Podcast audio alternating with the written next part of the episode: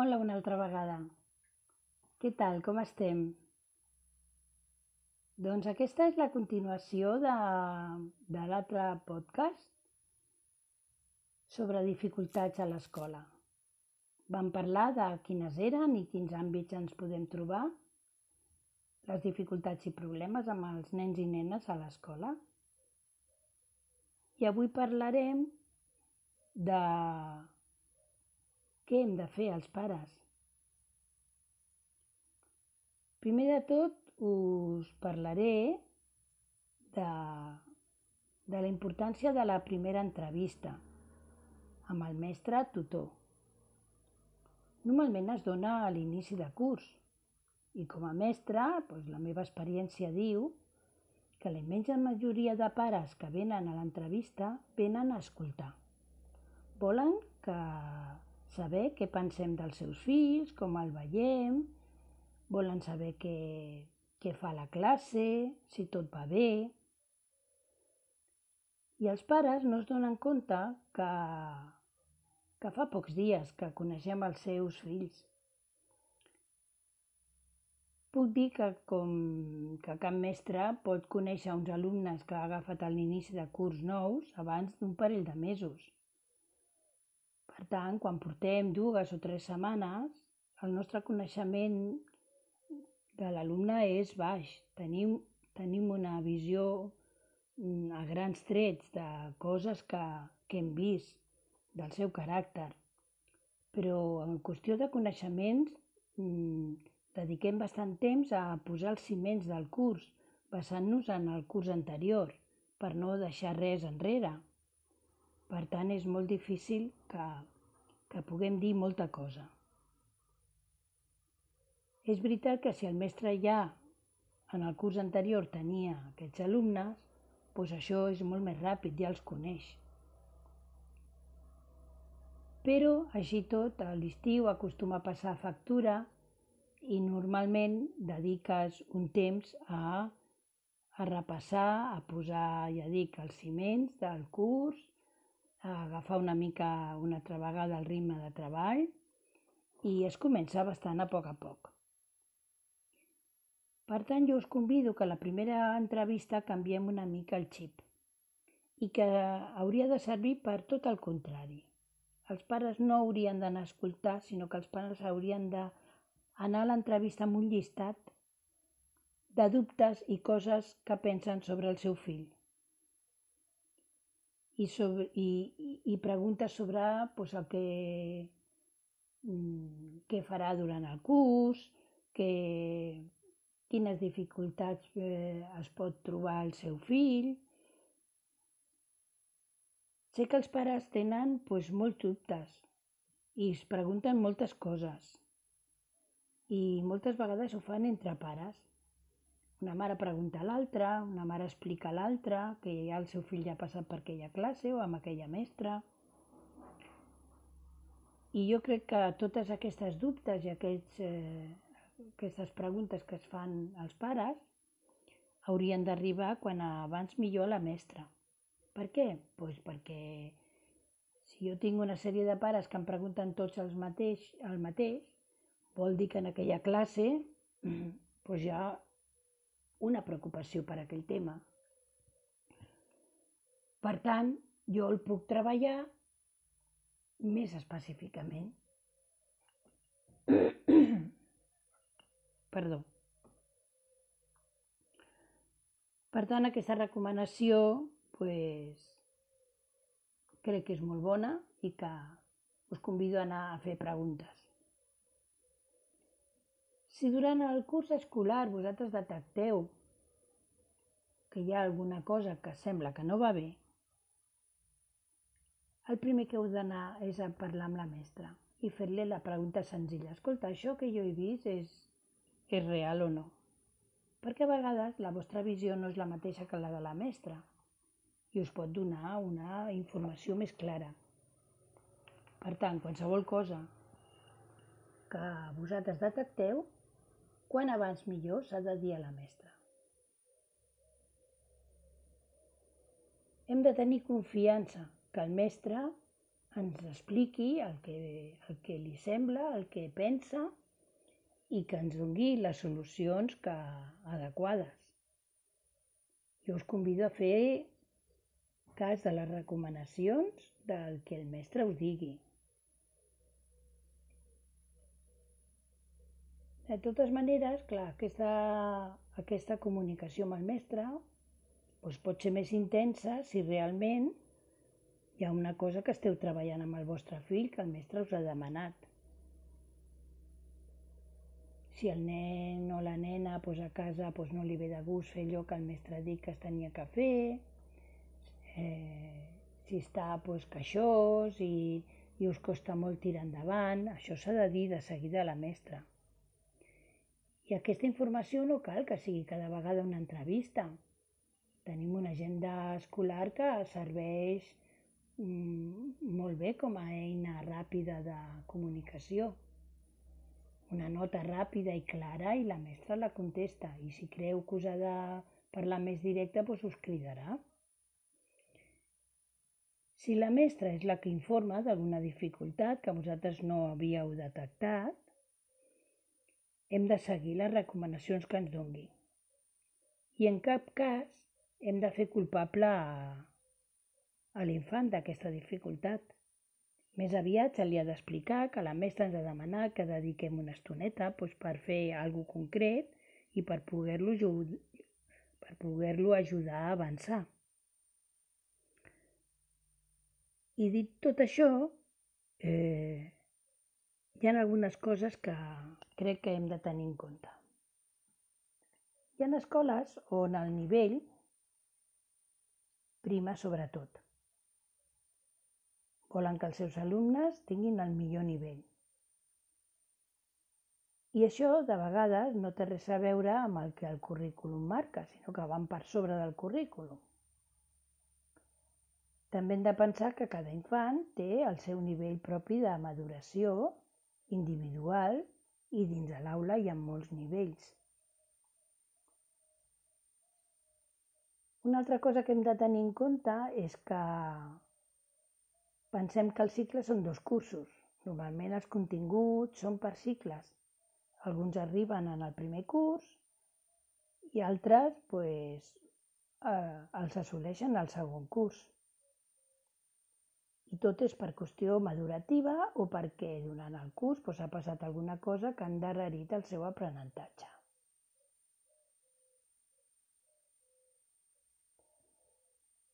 El tercer que us voldria dir que hem de tenir en compte és això, eh? que ja us deia una mica abans.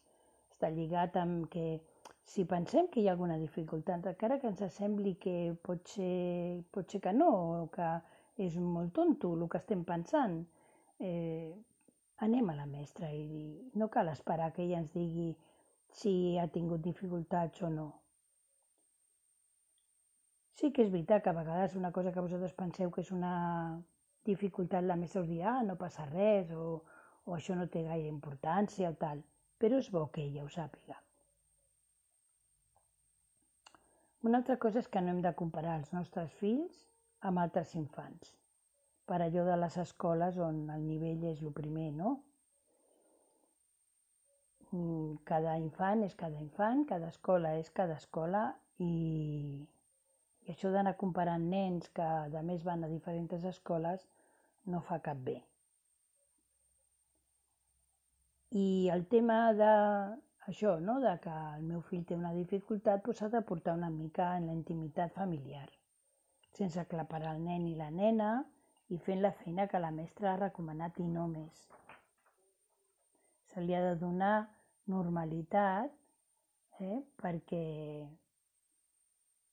en un moment o un altre tots els alumnes necessiten un ajut més o menys mm, prolongat en el temps i per tant això és de la cosa més normal del món i no ha de ser una cosa que, que dongui preocupació a la família. I el que mai hem de fer és que el nostre fill senti aquesta frase de li diré a la mestra. Si és que a casa doncs, no posa interès i, i la mestra està presentada com un llop. Aquestes actituds fan que el nen o la nena perdi molta confiança amb el mestre i també amb els pares.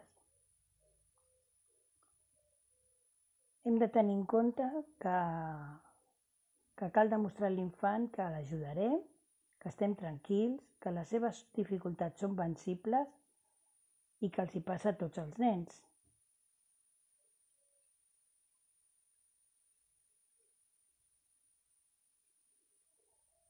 I una altra cosa és, l'últim tip que us vull donar, és que les dificultats, com són normals, hi han moltes circumstàncies que fan que els nens i nens i nenes perdin per un moment l'autoestima, no? I que això provoqui pues, alguna dificultat, un endarreriment, una cosa que no surt bé.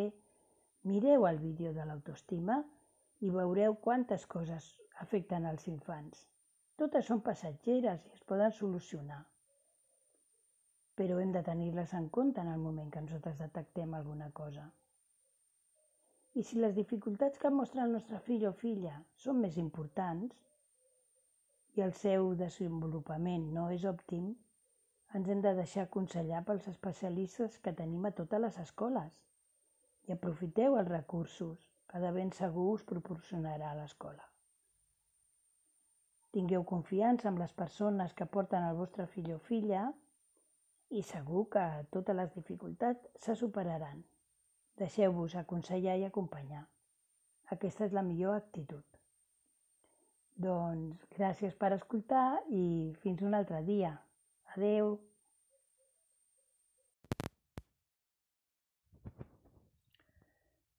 Hola, ja tornem a estar aquí, reflexions d'una mestra, tornada a l'escola. Doncs ja queda molt poquet. El dilluns ens trobarem amb els nostres alumnes. Jo en tinc moltes ganes i desitjo de veritat que sigui un bon curs i estic convençuda de que tot anirà molt bé. Jo no tinc gens de por i això no vol dir que no tingui respecte pel que està passant. Però penso que amb les mesures de seguretat que, que l'escola hem, hem posat en marxa, doncs no hi ha cap mena de dubte de que tot anirà bé.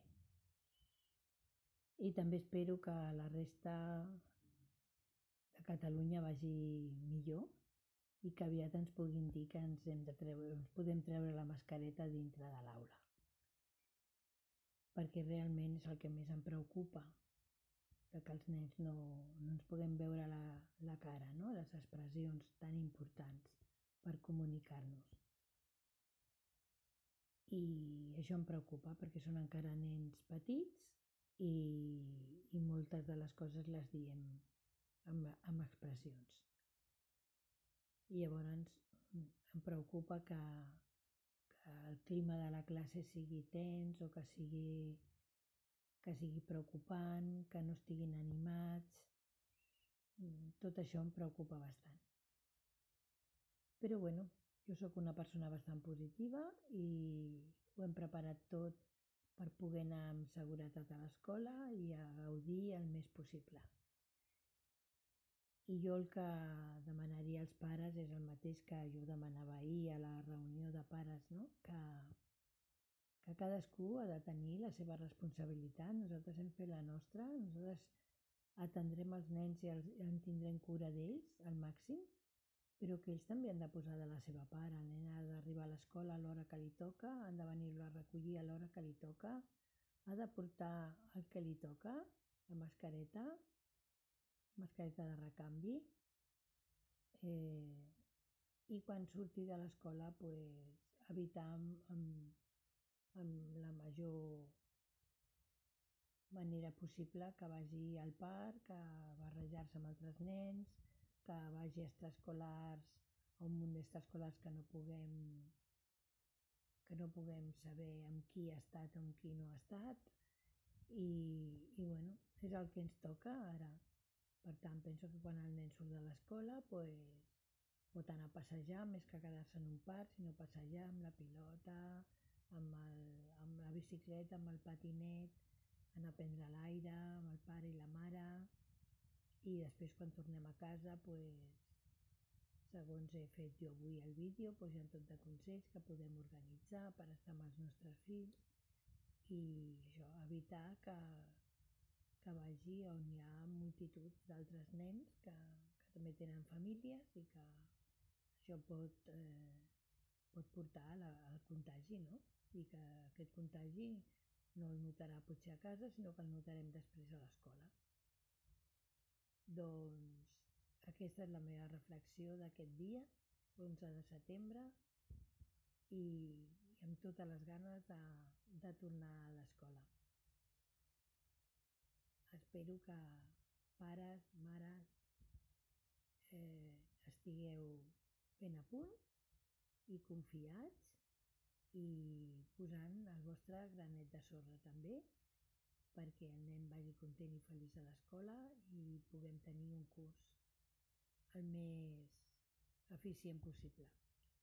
Gràcies i ens veurem un altre dia. Bueno, ens veurem, no, ens escoltarem un altre dia, perquè el dilluns penso fer un podcast sobre les impressions, les impressions que, les reflexions i impressions que tindré el primer dia, no?, de com ha anat tot aquest, tot aquest batibull d'entrades de, i sortides esglaonades i, i gel hidroalcohòlic i mascaretes posades i tot això. Doncs ens escoltarem. Adeu.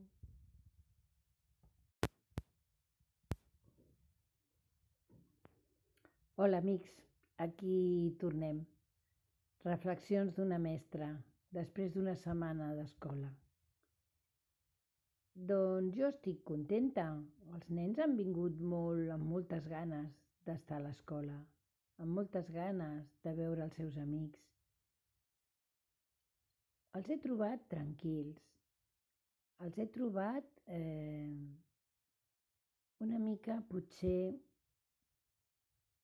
eh, com ho diria jo, mm, acostumats, no? Vull dir que, tot i que la, la mascareta no era una cosa eh, fins fa poc obligatòria pels nens, eh, he trobat que els nens estan, bueno, almenys els meus alumnes no, no han tingut gaires, gaires dificultats.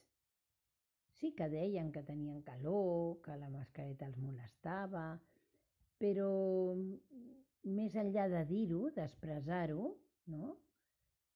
No, han sigut capaços d'aguantar tot el dia amb la mascareta. I sobre això jo volia fer una reflexió. Eh? Jo penso que, que la persona més, més delicada d'allà de la classe sóc jo. Jo crec que entre ells això de que amb la mas sense mascareta es poguessin passar el virus, si és que un el té, si ens han de confinar tota la classe igualment, quan hi hagi un cas, què més dona portar mascareta o no? Jo penso que hi ha altres normes que poden ajudar a que, a que el virus no es propagui tant. Jo portaria la mascareta doncs, a l'entrar i sortir de l'escola, la portaria mm, en, en moments que potser doncs, no és necessari que ni que parlin ni que escriguin, però clar, quan estem treballant, quan estem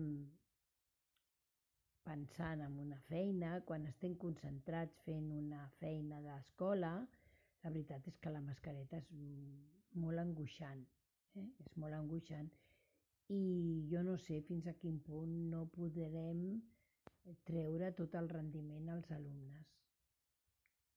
Jo sóc molt flexible, jo m'he proposat aquest curs, pues, això, mm, no tenir cap expectativa, sinó que la meva expectativa acaba allà on jo veig els nens bé. No? Que els nens es relacionin, que els nens estiguin tranquils, que els nens estiguin bé, que es puguin comunicar uns als altres, que es puguin relacionar i que, i que tinguin ganes d'aprendre com aprenen i si l'aprenentatge que jo els hi proporcionaré ells el podran eh, adquirir o no, pues, dependrà molt de les circumstàncies, de l'entorn i entre ells el de la mascareta, penso jo. M'agradaria, m'agradaria que la mascareta desapareixés de dintre de la classe perquè això ens donaria una, una normalitat dintre de tot, una normalitat per poder fer la feina que hem de fer millor. I, i jo encara puc estar contenta perquè tinc nens de 9 anys que ja són grandets, que són més madurs, més capaços, però els de 5 o 6 anys que estan a primer, pobrets, amb ells sí que els hi costa, eh? I a més no veuen la cara de la mestra, no veuen l'expressió de felicitat que ella té quan els veu, vull dir, és com un mur, eh? a nivell de sentiments és com un mur. Jo crec que estem exagerant una mica. Aquesta és la meva reflexió, que la mascareta no, no evitarà el contagi, els tindrem igual, i tot i portant mascareta ens confinaran a tot el grup igual. Per tant, surti la PCR positiva o negativa diu que ens confinen igual. Vull dir que de totes totes, en el cas de que hi hagi algun nen que, que, que, que el tingui, que serà a lo millor portat pues, des de casa o des de... Pues, tot el grup estarem confinats. Per tant, jo trauria la mascareta jo trauria la mascareta per donar una mica més de normalitat a, a l'aprenentatge i, i a veure si en traiem un millor suc aquest curs.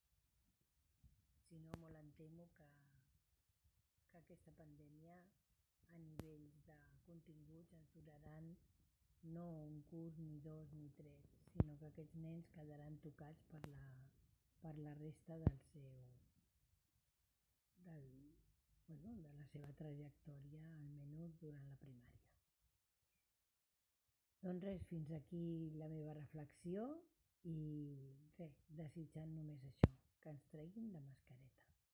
Gràcies i fins un altre dia.